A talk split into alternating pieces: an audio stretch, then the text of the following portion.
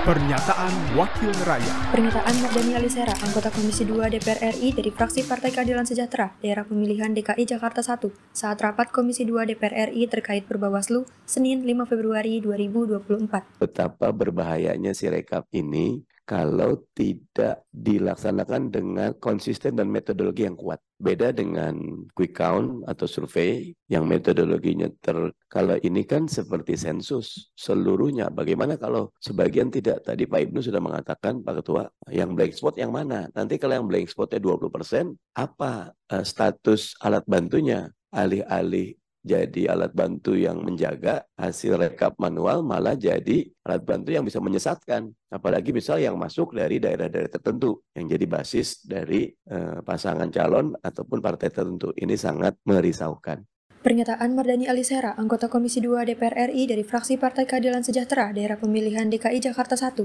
Produksi televisi dan radio Parlemen, Biro Pemberitaan Parlemen, Sekjen DPR RI. Pernyataan Wakil Rakyat.